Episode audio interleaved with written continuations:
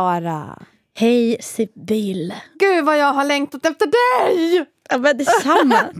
Du har varit på Gotland och tagit körkort en månad medan vi andra har lunkat på i novemberns Ja, lugna precis. Och jag åkte ljus. precis när eh, liksom shit hit the fan här.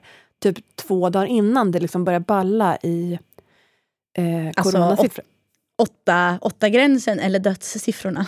Nej, men alla siffror är ballade, men jag menar när, när man börjar konstatera att så här, det här är en andra våg och typ, det går Mm. skitfort uppåt i, i konstaterade fall och IVA, och alltså alla de här grejerna.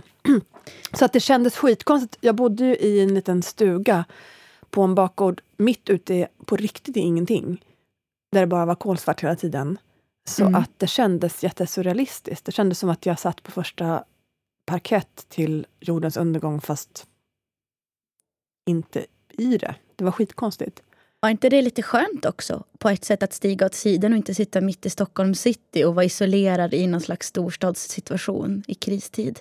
Alltså det var helt fantastiskt. Men jag har ju liksom ett barn här i Stockholm som jag... Så att om jag, om jag inte hade haft min familj, då hade jag varit ännu liksom härligare. Men det fanns någonting som gjorde det väldigt overkligt eftersom att vi inte var tillsammans. Men det var skönt. Alltså om det är något det här året har eh, gjort det tydligt är hur, hur eh, hoppfulla människor är hela tiden och med det naiva och gång på gång tänker det blir ingen andra våg. Nej, men nu kan det vara 300 personer. Nu kan vi öppna upp, nu kan vi träffas. Var, varför skulle vi kunna göra det? Det är inte som att smittan puff försvann utan klart och tydligt inväntan på vaccin. Men vi har hoppats och blivit besvikna gång på gång. Ja, men för att också om du pratar om kultursfären nu. Så, Nej, nu pratar jag faktiskt också generellt. Alltså, tron på att det skulle ha varit över i maj var ju liksom vårens första giv. Och hösten skulle ju bli så rolig med alla fester och events. Och, ja, jo. Vi har trott att det skulle gå över av någon slags mirakel fast det var bara långt uthärdande envishet som skulle krävas av oss. Ja men verkligen. Men sen är det ju också angående just det där som du själv sa, det där med 300 pers och öppna upp och sådär. Så tror väl i alla fall jag fortfarande att det handlar inte lika mycket om hopp som kanske det andra, utan mer om någon slags eh, rimlighetsgrej. Ja. Alltså det är självklart att det hade kunnat gå att ha konserter för 300 personer i juli utomhus. Helt Ja. coronasäkert. Alltså det, Oh ja. det, det är klart, självklart. Men nog om det. Hur mår du? Jag mår, jag mår jättebra. Uff. Jag, jag tillhör en av de jag vet inte, 15 procenten, om det ens är så många, som verkligen njuter när november och december kommer. Mm, men du, jag är Ja. likadan. Ja, jag tycker mörkret Mm. och stillheten är underbar. Och jag känner att jag kan få vara i fred. Alla Mm. håller på med sitt. Det finns ingen förväntan och det finns ett lunk i mörkret som jag mår väldigt bra i. Och jag satt faktiskt häromdagen och kollade igenom mina anteckningar och dagböcker från i våras. Och jag, jag tycker vår, all, vår alltid är svårt och så slog det mig hur jättesvår den här våren Mm. var. Men jag tycker det är kämpigt med ljuset. Så att jag har, jag mår, liksom, trots allt som är så tycker jag att jag har det väldigt bra. Mm. Ehm, och känner mig ganska glad. Det där tänkte jag faktiskt på också när jag kom hem från Gotland. Eh, att jag insåg då, för några dagar sedan, bara shit, jag var fan... Alltså jag var deprimerad innan jag åkte. Mm. På riktigt! Alltså, inte så här, åh, det var lite tungt. Alltså, jag, kunde inte, jag hade ingen energi, jag lämnade inte lägenheten, jag satte på mig pyjamasen. Det första jag gjorde så fort jag kunde, så tidigt som möjligt på dagen.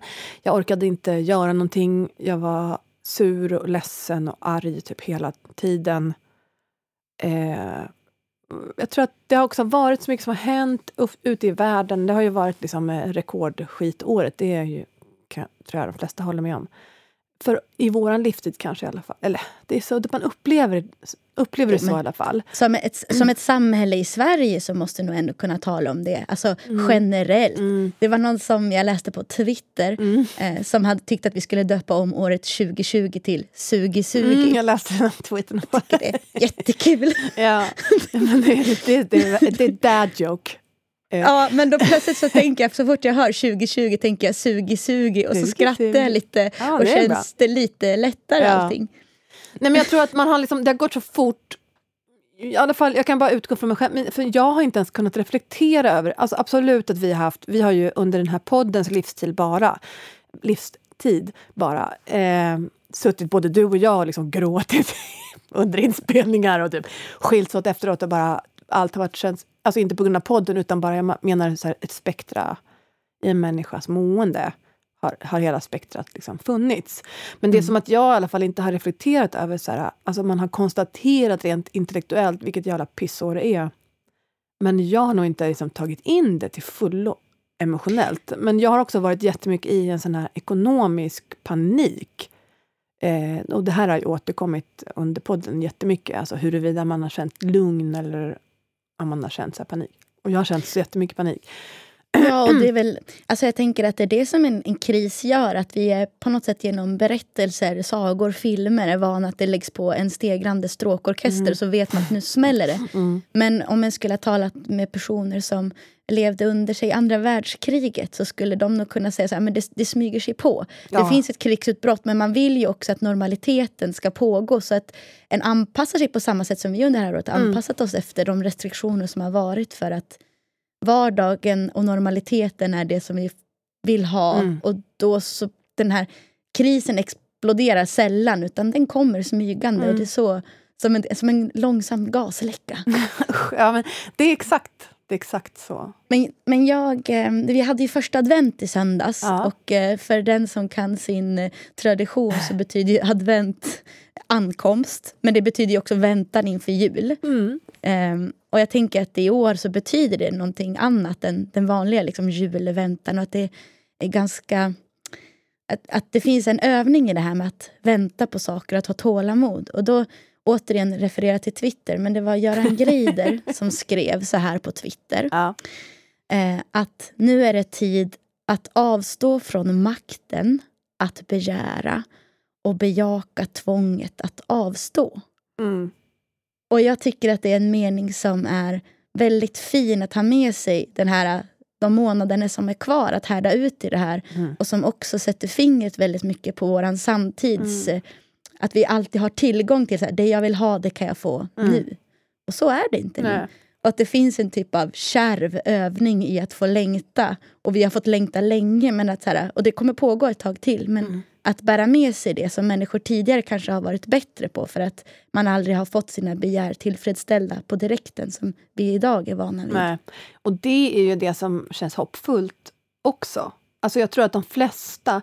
Visst, folk demonstrerar i vad, Spanien och typ Tyskland. Eller jag kommer inte ihåg. Men ja, lite olika Ja, länder. det- hippies och nazister till exempel berättar min kompis Marta som bor i Berlin att det var så absurt utanför hennes lägenhet så var det så anti-corona demonstration som inte tror på det och då är det Nej. liksom ja, hippies och nazister hand i hand som liksom förnekar. Fan vad sjukt och roligt. Ja. Nej, men jag menar, jag tror att den, de rösterna hörs jättemycket och det är klart man blir provocerad.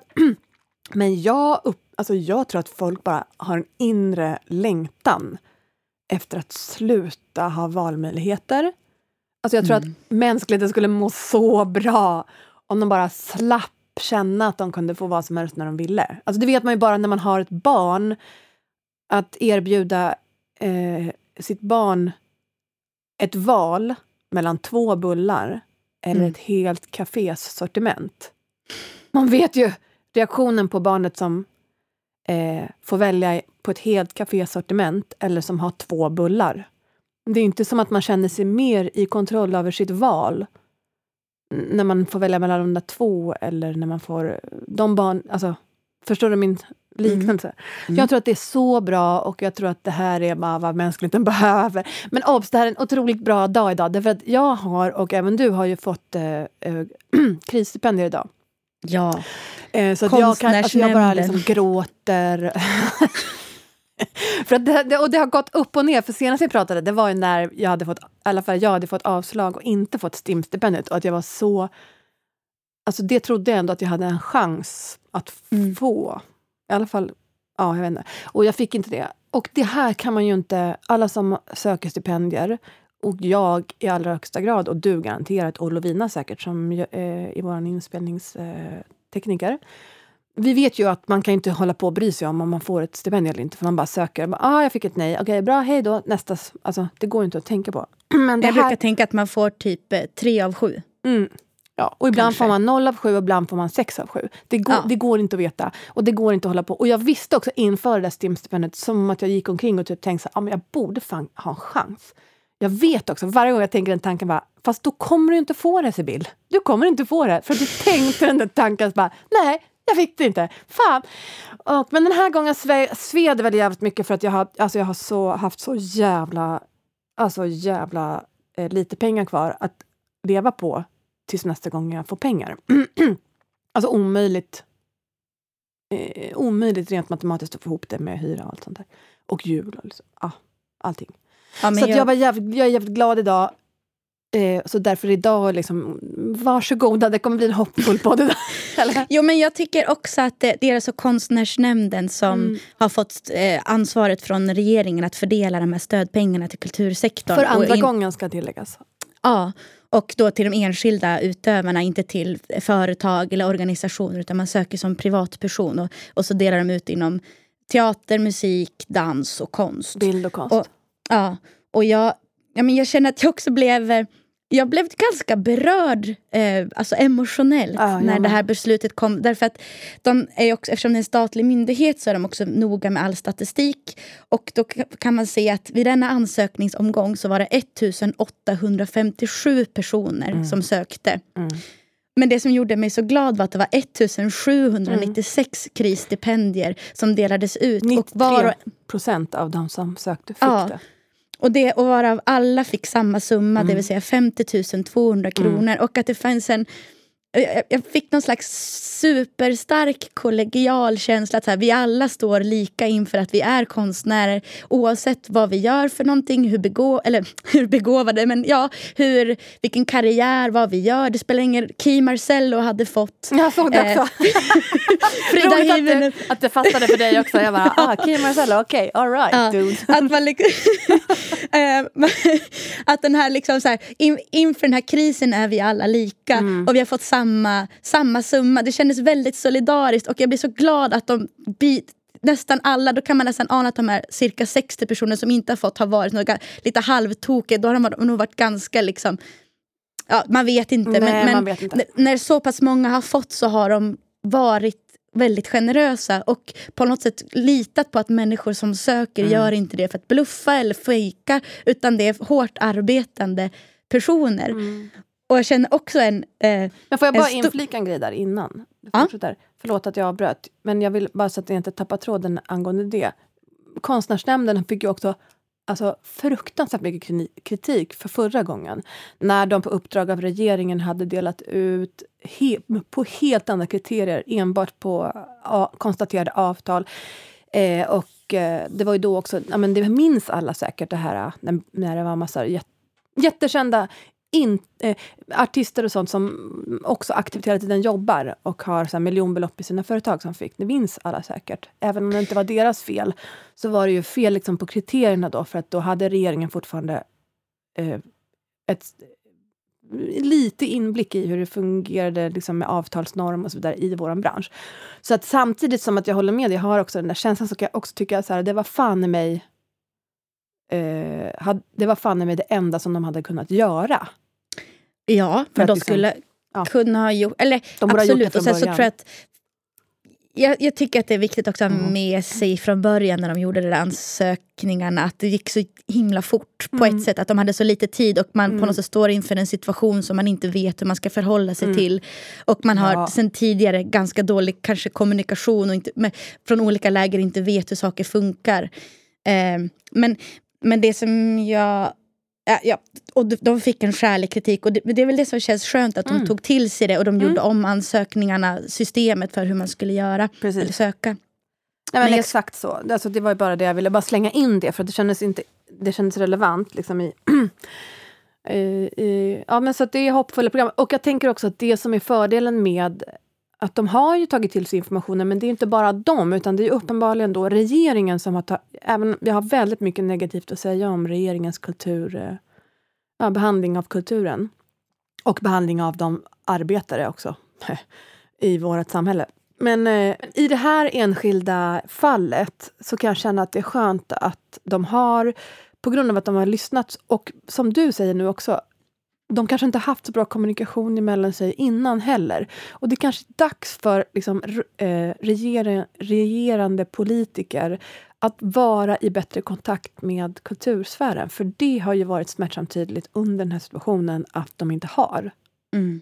Och det kan vi ju ta med oss ändå som något positivt. Alltså, även om man kan säga ditten och datten om Amanda Lind och, eh, och gud, Gud ska veta att du och jag har väldigt mycket att säga om Stockholms kultur, mm. kulturpolitiska eh, beteende, eller vad man ska kalla det. Så är här i alla fall en start på någonting som känns hoppfullt ändå. Ja, och jag vill bära med den, ja, men det jag sa om den kollegiala stämningen. Att här sitter vi 1796 personer som räknas som musiker verksamma i Sverige och att vi faktiskt är kollegor och inte konkurrenter med varandra. Mm. Och att i framtiden att vi ska bli bättre på att organisera oss på det sättet. Mm. Eh, men jag jag vill också faktiskt eh, ge en eloge och en verbal blombukett till dessa sju personer som har suttit i den här eh, styrelsen. Eller, eh, eller de har de är inte styrelsen, men de som har berett vilka som ska få. Mm. Och de, de själva är ju musiker. Mm. Som sitter som liksom sakkunniga som konstnärsnämnden ger till uppdrag att sitta i juryn och bedöma om folk är, är, har, har rätt att få bidrag. Um, och det är, jag, jag tycker de ska nämnas vid namn, för mm. de har då suttit och jobbat stenhårt mm. med 1800 ärenden. Och det är mm. Jenny Abrahamsson, Katrin Amsler, Edin eh, Bak eh, Batijaragic, ursäkta uttalet, mm. Per Grindvik, Thomas Hedlund, Lukas Stark och Sofia Stinnerbom. Som också är själva musiker som har förlorat mm. jobb och spelningar och som på något sätt har tagit en förlaget och gjort det här gedigna arbetet. För de, de är kunniga, sakkunniga mm. Och tillsammans med eh, Hasse Lindgren bland annat som jobbar på Konstnärsnämnden. Eh, ja, jag kände också någon slags vördnad inför att de har suttit och slitit sitt hår med det här. Ja, och jag kan ju också säga så här, jag tycker att eh, Konstnärsnämnden eh, bör kritiseras och bör liksom vara under lupp precis som alla andra institutioner som ska dela ut pengar och välja mellan, eh, välja mellan utövare. Mm, med det sagt så och jag, de får adekvat kritik lite här och då och då, liksom, med rätta, tycker jag. För att det ska man göra, annars så lever man helt... lever, annars blir det helt sjukt. Men jag tycker ändå att de ofta har... Om man känner att det... Fan, det här blir lite konstigt, men ja, jag tycker ändå att det känns som att de anstränger sig. Men det är bara ja. 100% utifrån. Jag har ju ingen insikt i Konstnärsnämnden, eh, deras arbete. Och jag ska säga också, för att, så att alla vet, att alltså, jag har fått Konstnärsnämndens stipendier, arbetsstipendier, flera, flera, flera gånger. Så jag är ju naturligtvis Eh, kan, alltså det, jag, jag, jag, är inte det medvetet aktivt, men det är klart att jag säkert påverkas av det. För jag menar, jag känner ju specifikt det här med STIM-stipendiet, att när jag inte fick det, att jag direkt känner mig negativt inställd. Alltså bara på instinkt. Men, och, men där är jag är inte negativt inställd till STIM, men ni förstår skillnaden. Men alltså, där är också, det är en jättestor skillnad mellan, liksom. mellan STIM-stipendiet och Konstnärsnämnden. Att, att Konstnärsnämnden är ju, jag vet inte om man kan kalla det en myndighet, men jag tror det, för att de är ju statligt finansierade på ett mm. sätt som STIM inte är. Så att Konstnärsnämnden ska dels dels eh, absolut kunna utstå kritik för det är statligt finansierat. Mm. Eh, och de har ju också den här supertransparensen. Om man kollar på det här beskedet så stå, mm. ser man också de här som har suttit i nämnden och godkänt vilka mm. de, de, får in, de måste ange jäv och de är, de är mm. väldigt noga. Så jag har, mm, jag har stor respekt för det de gör och eh, för att de också tar in sakkunniga. Ja. Men eh, ja, jag, jag blev väldigt, väldigt glad faktiskt att det var så pass många som fick. Ja, jag håller med. Och jag vet inte, jag, det, alla kanske inte gör det, men jag sitter alltid och läser igenom exakt alla. Ja, och den här var ju också. skitmånga. Alltså, det var ju som du sa, 1700, nästan 1,8 personer. Ja. Men det, är ju, det finns något väldigt... Eh, och, och, faktum är att trots den där STIM, det är inte en fadäs. Alltså, jag bara fick inte Jag är inte irriterad på det längre. Jag bara beskrev hur det känns då och jag hade inte rätt att vara irriterad heller. Alltså, Eh, men när jag, även när jag läste igenom där så blir man ju... Jag tycker att det bidrar till den här kollegiala stämningen. Att man blir så glad när man ser vilka som... Brända fick vår kompis, vår mm. eh, fantastiska kollega Brända Mikael Reyes. Reyes. Eh, ja, nej men... Så att, Fast jag tycker, eh, sen tycker jag att det är roligt med STIM-stipendiet. Att det var så många som skrev på sociala medier. Att det var så här, Åh, tack STIM, nu ska jag skriva musik. Jag tycker att det är en speciell kultur att man skriver på typ sin Facebook när en blir beviljad stipendium. Ehm, Varför då? Det har jag gjort. Jag tycker att det är... Jag kan, det, här, det här vill jag prata om. Berätta varför. ja, men jag tycker att det är eh, på samma sätt som jag såg också nu att folk skrev grattis alla som fick konstnärsnämndens stipendium. Så kände jag att jag tyckte inte att det var läge att säga grattis utan jag tänkte Ho, där satt den, bra. Bra jobbat kanske, men det är inget att gratulera över för jag tycker att det är också en självklarhet i relation till att vi alla är skattebetalare och medborgare. Att det är mer av en, en skyldighet på samma sätt som vi har rättigheter. Att man ska bidra till kulturarbetares situation. Men sen det här med att skriva om stipendier. Eh, jag är, inte sten... Ja men det är kul att vi kan prata om det. Mm. Ehm, jag tycker att när den får ett stipendium som till exempel är från, jag hittar på, eh, Alma And, till minne av Alma Andersson, den här lilla föreningen i Löddeköpingen.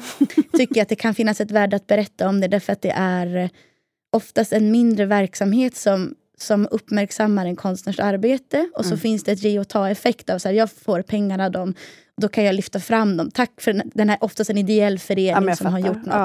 Ja. Men till exempel STIM är det väldigt många som får. Så att, eh, det finns något själv... Eh, det fi- jo, jag tror att jag tycker det är lite svårt. Man, man lyfter fram sig själv på ett sätt som det också finns väldigt många som inte får. Mm. Eh, och, så det tycker jag är en, att, att det finns någon typ av skrävel i det som, eh, som jag inte tycker... Jag Ja, förstår gud. inte Ja. riktigt varför man ska göra det. Så här, kolla vad bra jag är. Ja, men det är också jättemånga andra som har fått och jättemånga som inte har fått. Mm. Så det är nog den ena så här, skrytaspekten, Jante Parkman. Ja, det är precis vad jag tänkte. Jante, det här är Ja, jantelagen i ett nötskal. Men jag är ju också ganska mycket Jante. Ja. och sen tycker jag, jag tror att det här var en lärare till mig någon gång på Musikhögskolan som pratade om det i relation till just arbetsstipendium eller om man får turnébidrag eller sådana saker. Så jämförde han med att om man har ett annat jobb så säger man inte det 25 varje månad bara Tack eh, Sweco för månadslönen och så, så här, fyra emoji Nej, men ett STIM är ju inte ett, en lön. Det, det, det blir ju det därför att systemet är trasigt. Men Ja. st- STIM är ju en present. Eller vad säger jag, ett stipendium är ju en slags present. Alltså det är inte en... del, ja, nu i systemet som det, funger- som det ser ut idag så är ju stipendier en livsnödvändighet för så många av oss. Som, alltså utan de här stipendierna skulle inte jag finnas. Eh, du kanske inte... Jag vet inte om jag kan uttala mig om hur det är för dig. Men Nej, men det, så skulle jag väl säga. All, alla musiker som inte jobbar inom superkommersiell bransch är beroende av stipendier och, vi- bidrag. Och de som, framförallt de som då jobbar heltid och inte har andra jobb och sånt. Mm. eller liksom brödfödda jobb på det sättet att man jobbar kanske i skola eller affär och så. Ehm, jag förstår hur du tänker, men jag tycker inte att man ska straffa heller den enskildes liksom stolthet över någonting som man ser. För jag tycker inte att det handlar om att skryta. För de gångerna jag har lagt upp, jag har gått hela cirkeln runt. I början när jag fick, i början, början, början, då sökte man ju en miljon gånger och bara fick avslag i hundra år. Och sen då första gången jag någonsin fick efter att ha sökt liksom miljoner år, då var jag fortfarande indragen i den här mysterie-indie-världen. Att man ska liksom bara ge små pustar av mysterier och inte liksom blottlägga sig själv alldeles för mycket. Ett esoteriskt väsen som inte vill bet- Ja, betala men du vet, den här hyran. stringenta kvinnan, du vet, Mm. som jag pratade om. Stringenta kvinnoartisten. som är sval, smal, smak, Och har ett mystisk. bankkonto som aldrig sinar. som inte finns. För det talar man inte om. Nej, men, eh, så där är liksom, börja, där är liksom i början. Och sen så gick jag liksom hela vägen runt. Och då började jag känna så här, ja, vad i helvete? Eh, delvis så har jag saker att säga om eh, skammen inom indievärlden att inte vilja ha pengar. Men också inom vänstern, men, men indievärlden är ju absolut inte bara 100% vänster. Tvärtom skulle jag nästan kunna våga säga. Med tanke på all Mm. medelklass. men eh, i, inom Indien alltså. Även om kanske många Gud, jag svävar iväg. Men så roligt att prata med en människa. Okej, så att, eh, till att börja med. Jag kom till en punkt där jag bara, "Nej, men nu orkar inte jag bry mig och skämmas över, eller jag har nästan aldrig skämts över att säga så här, men vadå, det är klart att jag vill ha pengar, jag vill kunna betala min hyra. Eh, jag blir glad när jag får pengar. Jag har inga pengar. Jag, jag har inte råd att vara cool när jag får pengar. Jag blir skitglad när jag får pengar, för det betyder saker för mig mer än bara lite extra i kassan. Två, jag orkar inte skämmas för att jag blir stolt över någonting. Det, det, jag kommer ihåg den första gången jag, jag tror det var första eller andra gången jag så här la upp någonting. Det var när jag fick STIM-stipendiet 2017. Och då hade jag då fött barn precis. ja, jag födde barn i slutet av 2016.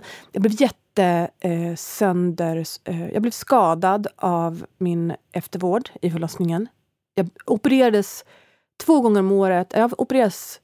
Idag så var jag på ett möte hos en läkare om de här sakerna. Och hon, den här läkaren frågade så här, hur många gånger har du opererats? Jag bara, eh, jag vet inte. Jag tror det är två gånger om året. För jag kommer inte ens ihåg hur många. Alltså, och då bli bekräftad i den positionen. Som, då, alltså mitt privatliv och det här med att jag blev så skadad och det var så svårt att få hjälp inom förlossningsvården som vi alla läst om. Och så vidare. Jag är en av dem. eh, att då få ett, för då kände jag mig bara som en skadad, trasig kropp. Och i då att få ett stipendium, att bli påmind om så här, ja men du får finnas. Vi tycker att du ska finnas. Eh, fortsätt. Jag såg ingen anledning till att inte berätta det för hela världen att så här, någon har sagt till mig att jag får finnas, att de tycker att jag ska finnas och att eh, de vill ge mig en putt i ryggen så att jag kan fortsätta finnas. det, för mig är det inte ens kopplat till varken skryt, skrävel eller jante. Och jag tror att just STIM-stipendiet, nu svänger jag i frågan som den kappvändare jag är, men STIM-stipendiets stora värde är att de också, det är högt och lågt i de där Namnen. Det är allt från så här Little Jinder till någon man aldrig hört talas om som är typ 18. Någon låtskrivare från Mölndal. Alltså förstår du vad jag menar? Att det är så här, Ja, och, men jag, då, då kan jag, jag, jag reviderar mina motiveringar här då. Ja. eh, där vi kommer tillbaka kanske till ditt och mitt samtals återkommande, att vi ändå kommer från olika världar. För jag, jag håller helt med dig. Och eh, jag tycker att det är rimligt att känna den stoltheten och den typen av bekräftelse betyder jättemycket. Eh, och jag tror att det jag blir lite irriterad av och tycker är onödigt är när människor som är yrkesmusiker och som kanske har jobbat som musiker i sig 10-20 år och är inne i ett bidragssystem och kanske inte får allt man söker men får regelbundet och är inne i det systemet skriver det. För då tycker jag så här, det är inget specifikt. Eh, och det, man är också inne i en typ av Ja, men den- här, det fria musiklivet som jag kanske är då en del av och som man blir en del av om man oftast har gått på musikhögskola och lär sig att söka stipendier och bidrag. Eh, där är det en så självklar del av ens verksamhet och bekräftelsen kommer inte utifrån det. Eh, och man har också ett pågående samtal om ekonomi, resurser, vikten av att ta betalt, att betala sin hyra, Ja. veta sitt värde ekonomiskt. Men du kommer ju från en värld där man är mer ett esoteriskt väsen som inte behöver pengar och där att prata om pengar är fult. Och, eh, Fast det är ju en hårdragen beskrivning och Jo, den kommer det från det mig hård- så det är inte som att jag beskyller jag, dig. jag tycker att jag bara- känner igen... Ja, för jag, ja. Alltså, och där, där betyder ett sånt här typ av stipendium någonting annat. Att det både öppnar upp för ett, att, ett samtal om vilka ekonomiska resurser som vi behöver för att kunna skapa eh, pop eller indie. Och också att bli sedd av en typ av institution eller ett sammanhang som man kanske om man bara suttit på sin kammare och plötsligt blir sedd av så här yrkeskunniga, då betyder det något. Och då tycker jag den stoltheten är jätteviktig. Men det är så svårt Så- att veta eh, vem som... För jag menar, vi har ingen...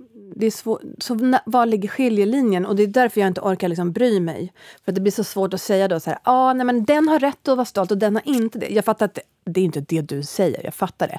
Men det är inte Nej. lite så här, hur ska man veta? Och nu har jag bara beslutat mig för att så här, men jag orkar inte, för jag kan hålla med. Som jag sa, jag har gått hela cirkeln runt, så jag har också varit irriterad på det. Och sen har jag blivit en, en av dem själv. Jag kommer inte skriva, nu säger vi ju det här i podden och förklarar lite vidare, men jag kommer inte lägga ut en så här, tack konstnärsnämnden. Men, Nej, men jag, jag tror att jag tycker att eh, när det, det kommer till vissa personer som har varit verksamma i sig 30-40 år och har klarat sig ekonomiskt väl genom det.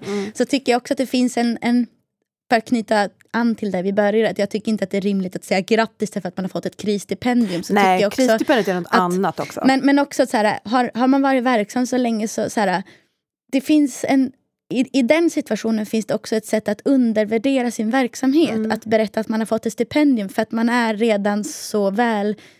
Alltså, det, som inte handlar om att den enskilda individen ska känna skam för att man vill berätta att man är stolt. Utan också så här, ja men det är väl klart att du ska ha ett stipendium. Jo men sen För- här måste jag också lägga in en djävulens advokatkommentar. För jag, jag, det var ett, när jag fick det där eh, mejlet 2017 då, då bröt jag ihop i soffan hemma.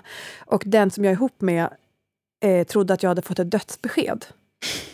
Nej men det är inte ett skämt, alltså det är sant. Det, det, det där tycker jag är som en parentes. Motsvarande när jag fick veta att jag var Grammis-nominerad. Du Mm. gjorde ungefär samma sak. Jag blev jätteledsen. Fan vad Ja, fortsätt Nej, men jag, alltså, jag bara ville säga, apropå det du sa om att så här, men vad fan, det är klart att du ska ha det. Jag tror att många har tänkt så kanske kring mig, för att man har tänkt att så här, jag är i den här världen. Och eh, jag tror att den gången när, när den jag lever med trodde att jag hade fått ett dödsbesked, det blev lite som en wake-up call för mig. Att vara så här, jag måste sluta bli så jävla chockad varje gång jag får ett stipendium. Alltså Ja. för det, nu måste jag, det här har vi pratat om någon annan gång också, när man förflyttar sig, när man inte märker att, ens, att man har hamnat i, i, i en bättre, mer privilegierad situation, i, i en mer solid, eh, på en, solid, på en ny solidare plats. Det, det är lite som det där vi pratade om också när vi började avsnittet, att det, så här, det smyger sig på. Att man inte märker att man, och det ser man ju jättemycket i så här, övre medelklassen också, att folk fattar typ inte att så här, nej men nu är du inte student längre. Nu Nej. har du en en eh, övre medelklasslön och du äger en lägenhet och ett landställe. Alltså nu måste du sluta säga att du inte har något, för du har det. Och det, var, det, tycker jag, det tycker jag att det är bra det du säger, jag håller med om det du säger. För att vid någon punkt måste man börja vara så här, ah, men fan, inte Jag är som, värd jag är det." värd det. Och jag behöver inte typ bli så chockad så att jag typ kissar i min bralla för att jag Nej, fick ett stipendium. För det är klart att jag ska ha ett stipendium. Apropå jantelag och så här, eh, känna att man är värd någonting. Men jag tror att det, Ja, det- där hör ihop för mig. Och det var, då jag, det var det jag ville slänga in också. Så här. Det Mm. är därför också eh, man kan säga så här, men jag fick det, jag är glad för det. Mm, yes. Ja, och, och där är väl att hitta en, den här sunda balansgången genom att lite jante, sen stolthet och sen ja. ju längre man har hållit på. Ja. Alltså, att vara tacksam för att vi har ett stödsystem som faktiskt funkar mer eller mindre bra. Ehm, Precis. Och, att, men, och, och känna en ödmjukhet inför att det inte är en självklarhet att hålla på. Men man kan inte gå runt och vara tacksam och stå med mössan i hand Nej. hela tiden. När man, eh, om du är 60 år och har varit musiker och tonsättare hela ditt liv och sitter inne på en enorm kunskap Ja. och har inspirerat, då tycker jag att det är inte skäligt att känna sig tacksam och ödmjuk. Då ska man snarare vara så här, kyss mina fötter svensk kulturliv. här har jag kärvat och harvat Ja. på i 40 år. Och det har fan mig inte varit lätt. Men Nej. ni ska vara tacksamma att jag orkade hålla, fortsätta hålla på. Jag kunde ha lagt av, men det gjorde jag inte. Nej. Alltså, Nej, men alltså, jag, tror slags- vi, jag håller med dig till allting du säger, håller jag med dig om. Eh, alltså, det är bara två sidor av samma mynt, typ. Ska Men vi lyssna hörni- på en låt? Ja! alltså jag måste bara säga innan vi fortsätter, innan vi lyssnar på en låt, så vill jag bara ge en shout-out till Lovina Isaksson, vår underbara tekniker som sitter Ja! här. Och för att det är så sjukt, för att nu, vi har ju spelat in på lite massa olika sätt den här podden, hemma hos mig och i din studio Axelsberg och vi har försökt göra över telefon och vi har varit tillsammans. Och så här. Men nu sitter vi i, jag sitter i en lyxig studio och det, det känns som att du är i rummet, Sara. Det är så sjukt. Så Det är det. Shoutout. Liksom, tack vare pandemin så har ju på något sätt den tekniska utvecklingen tvingats att utvecklas till denna oerhörda kvalitet. Ja, alltså, men också, det hade inte hänt utan Lovina you guys. Nej. Så att shoutout till Lovina. Och eh, det vill jag också bara slänga in en liten snabb, eh, usch vad det här kommer att låta gris. Men nu, jag skiter i det för att jag orkar inte bry mig. Kör. Det är därför vi vill ha Patreon. Så att ni som vill stödja oss, snälla gör det så att vi kan eh, Ja, betala. Lovina till exempel. Okej, nu kör vi en låt. Vilken ska vi köra? Ja, ska vi börja med dig eller mig? Eh, Jag kan börja med min låt. Mm, Okej, Vi sätter på den på en gång. Okej, pang.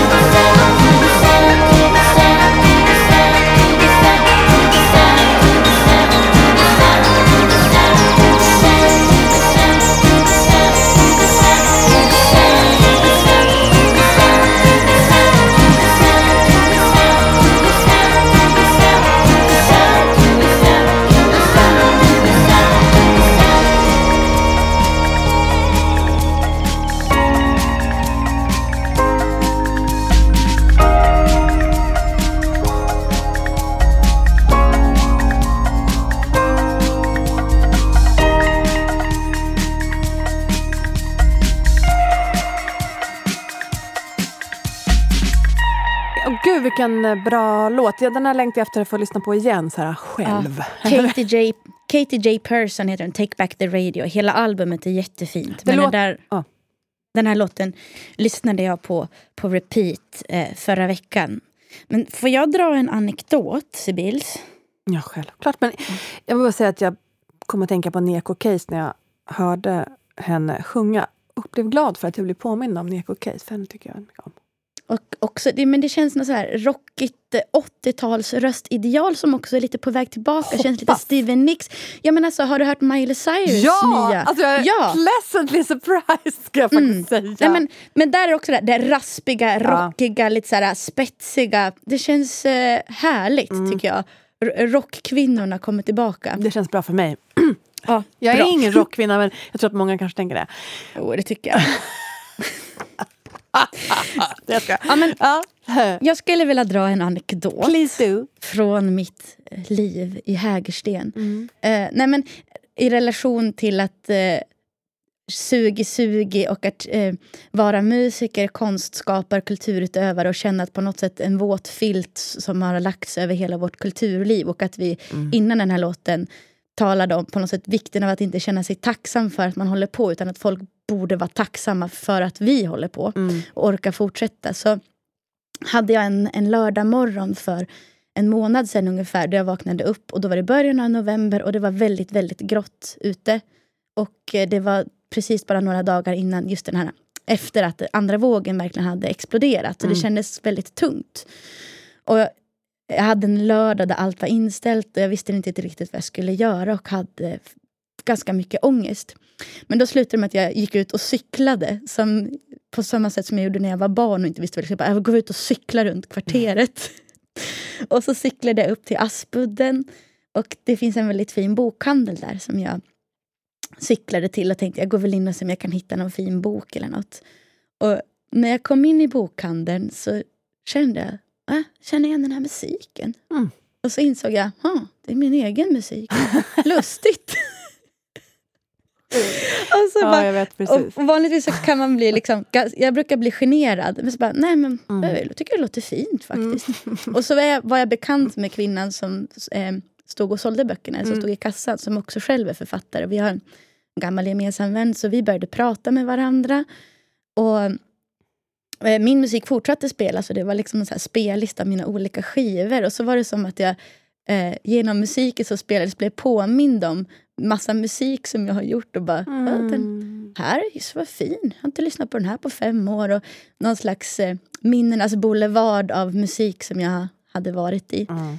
Och så stod jag och eh, Andrea, som hon heter, och pratade ganska mycket om skapande process. Och känslan jag hade vaknat med var en väldigt stark meningslöshet. Och Just att det. spelar ingen roll vad jag gör eller vad...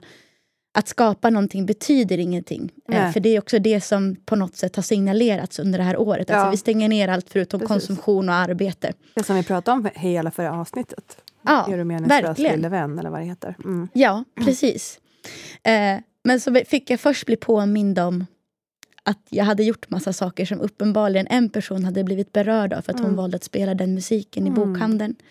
Och så talade vi om skapande process och jag tycker också väldigt mycket om hennes böcker som hon har skrivit, Andrea Lundgren. Eh, och sen så var det som att jag började liksom kolla runt på alla böcker som låg på... Det här är ju ändå motsatsen till den bokhandel du har jobbat på som du kallar för Bokhandlarnas McDonalds. Mm, alla kan gissa vilken det är.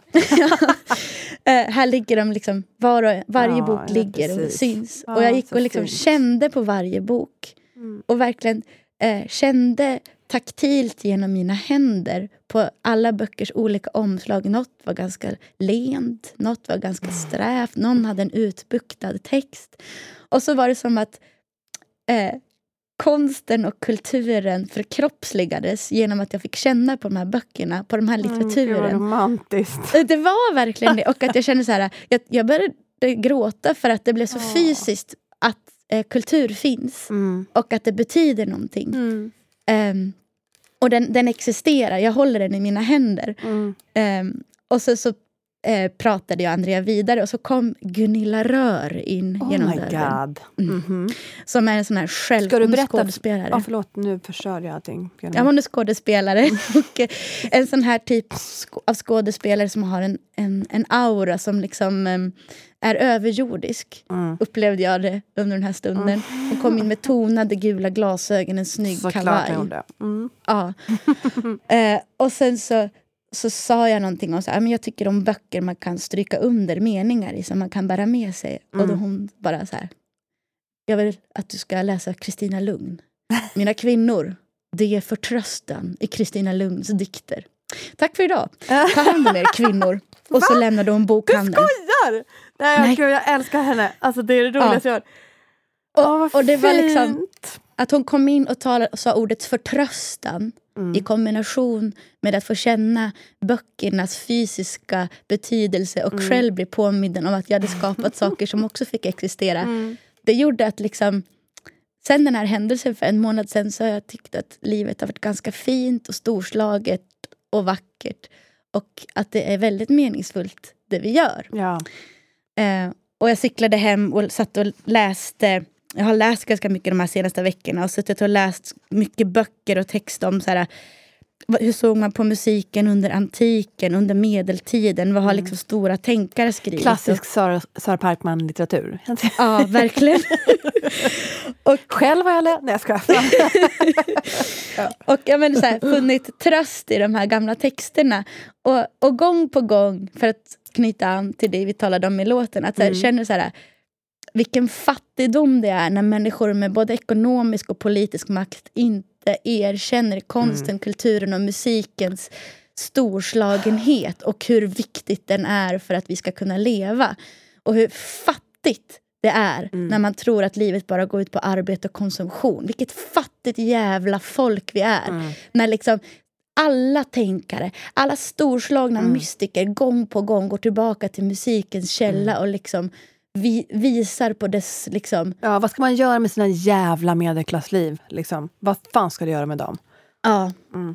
Ja, Oj, tack gud, för vilket ordet. bitskt Ja, inlägg. men men jag alltså, ville- Eh, men nu det här har var min folköllen börjat anekdot. verka så nu kommer hon till liv. Ja, det var min Rockkvinnan.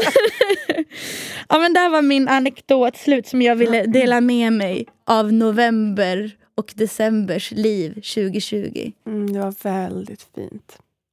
Tack.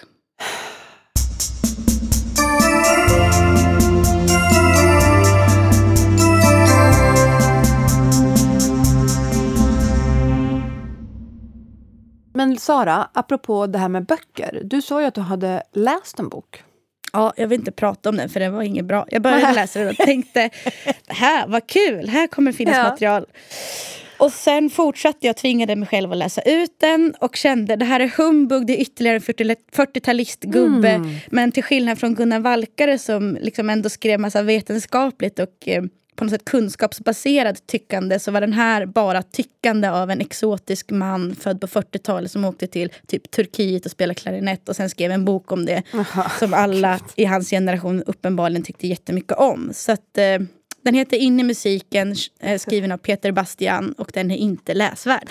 Ja, då kan jag säga för de som inte, ni som har kommit till här nu nyligen, om, det kommer, om vi får några nya lyssnare nu eller inte, jag vet inte, men eh, så pratar ju Sara om Gunnar Valkare som vi pratar om i avsnittet som heter Samlag med en skyltdocka, eller Vakna Gunnar Valkare.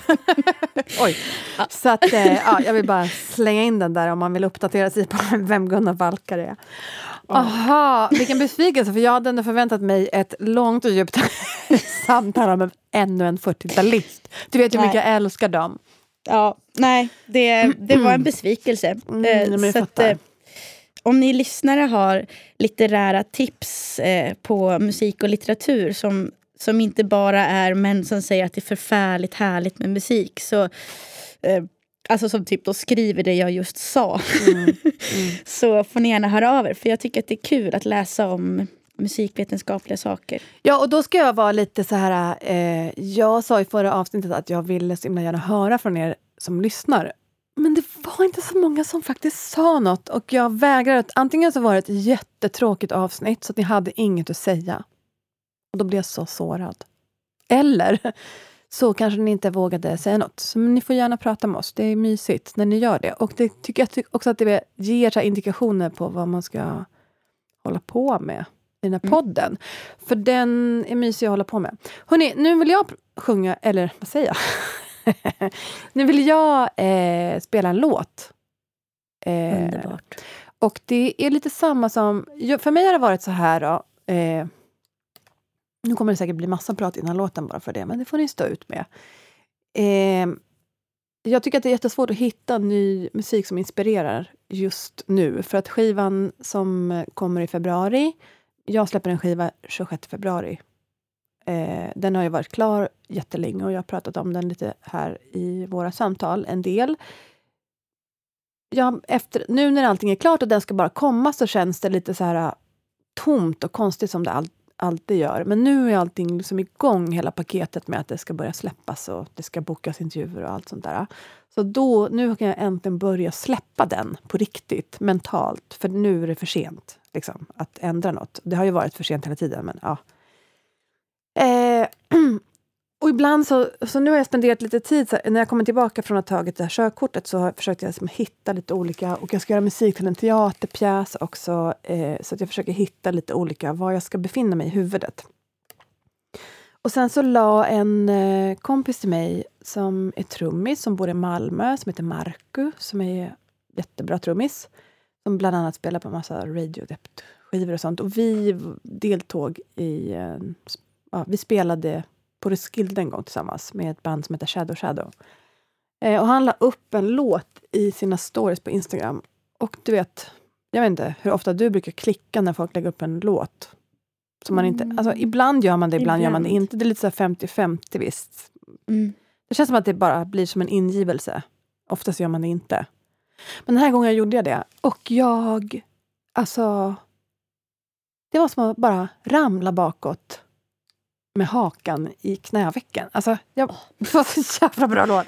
Och Ja. sen så började jag liksom undersöka mer. Jag vet inte, var jättekonstigt Jag beskrivning. ser Sibyl med hakan i knävecken. Ja.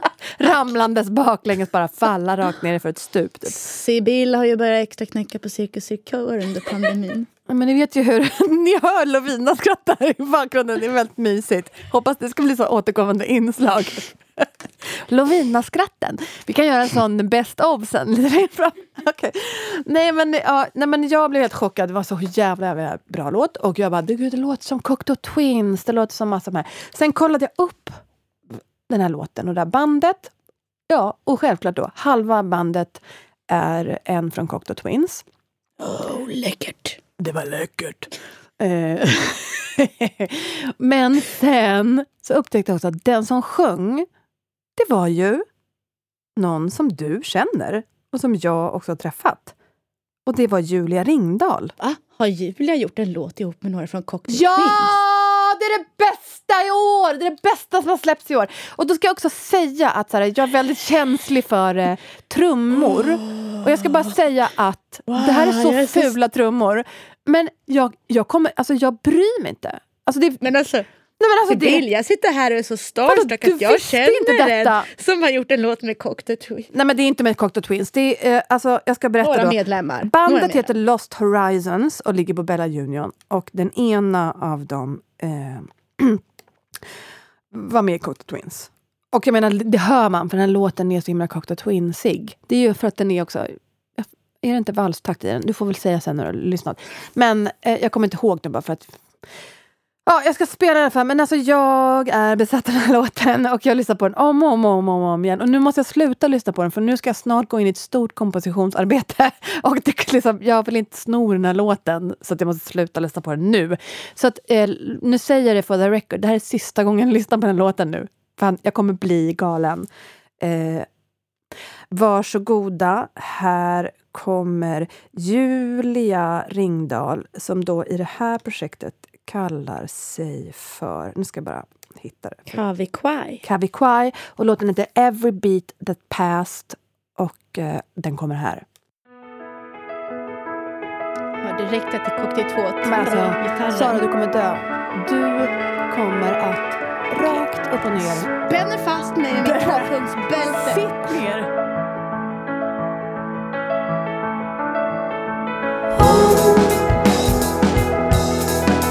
Mercifully we pass so through our laziness, our weaknesses, the bridges we burn. We'll pass it all over to you. Can we feel our blood running? It reminds us of life and how fragile it is when inside us calm, boldness will come our way.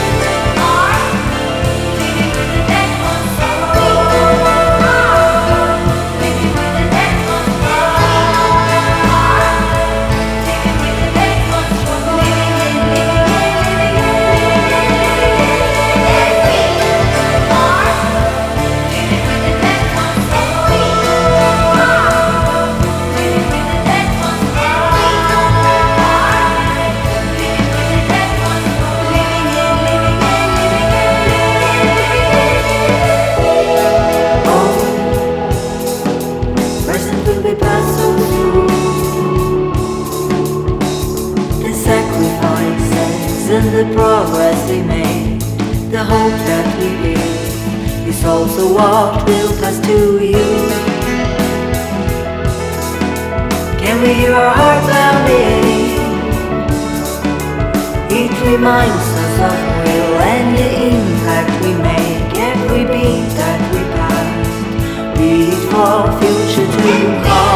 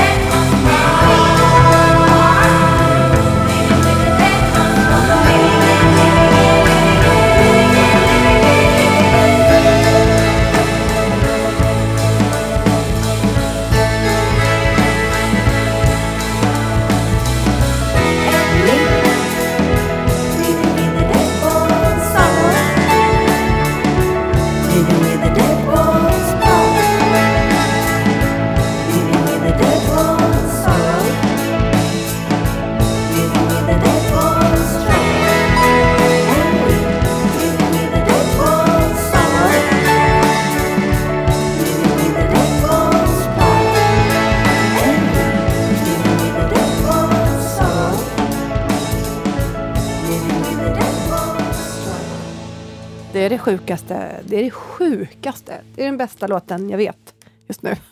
Men det var jättebra. Vad kul att vi har två så dunderlåtar Ja. som man känner så, livet, här kommer vi. Det måste vara sugi-sugi, men det är också underbart underbart.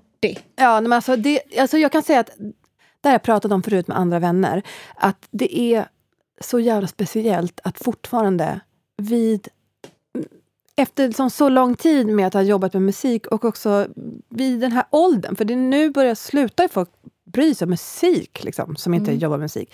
Att fortfarande få en, jag får samma känsla när jag hör den här låten som när jag hörde Birthday med Sugar Cubes första gången när jag var 16 och eh, gick med ett så nyköpt sexpack från eh, kiosken runt hörnet där man hade... Alltså det är samma känsla. Det, det är magiskt. Alltså det är onaturligt. Att det, det är liksom trolleri att man fortfarande kan känna så för musik.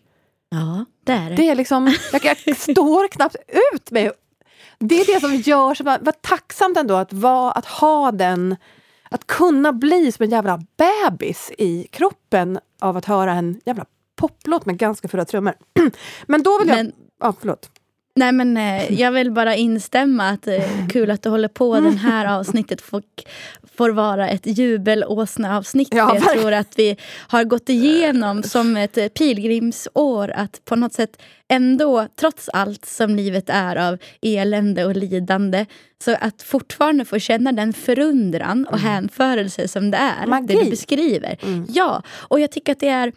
ehm, att det är också någonting radikalt att fortsätta känna den förundran. Mm. För att på något sätt allt det som marknadskrafterna eller liksom det här eh, ar att arbeta och konsumera så i det rymmer ju inte enligt kapitalismens logik förundran. Men när vi gång på gång får känna förundran. Och Daniel Ek är det perfekta exemplet på, på det Ja, som motsatsen till förundran. Mm. Där allt, alltså det rationella, allt är mätbara. Men här så, så känner du precis samma känsla som när du var 16 och du fortsätter få göra det. Mm.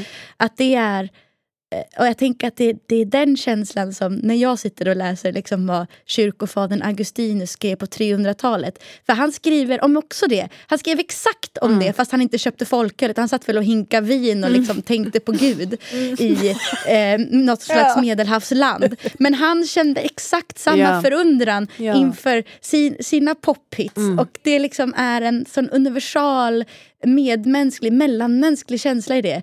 Kram från musikprofet Parkman. Men Amen. jag tycker att det är viktigt att bara eh, få vara i den förundran. Ja, verkligen. Och det är ju det som gör så att man orkar fortsätta hålla på.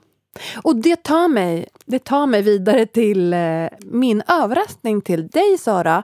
Men också till alla våra lyssnare. Det är inte, alltså jag har hypat upp det alldeles för mycket. Men idag har jag spenderat två timmar att gå igenom alla våra poddavsnitt och gjort en playlist eh, hos Satan själv, Spotify, med alla våra låtar som har varit i alla våra avsnitt. Men vilken och, alltså, bra... det är så mysigt ska jag säga att lyssna igenom. Och just i, i skrivande stund så är det en timme och 54 minuters musik.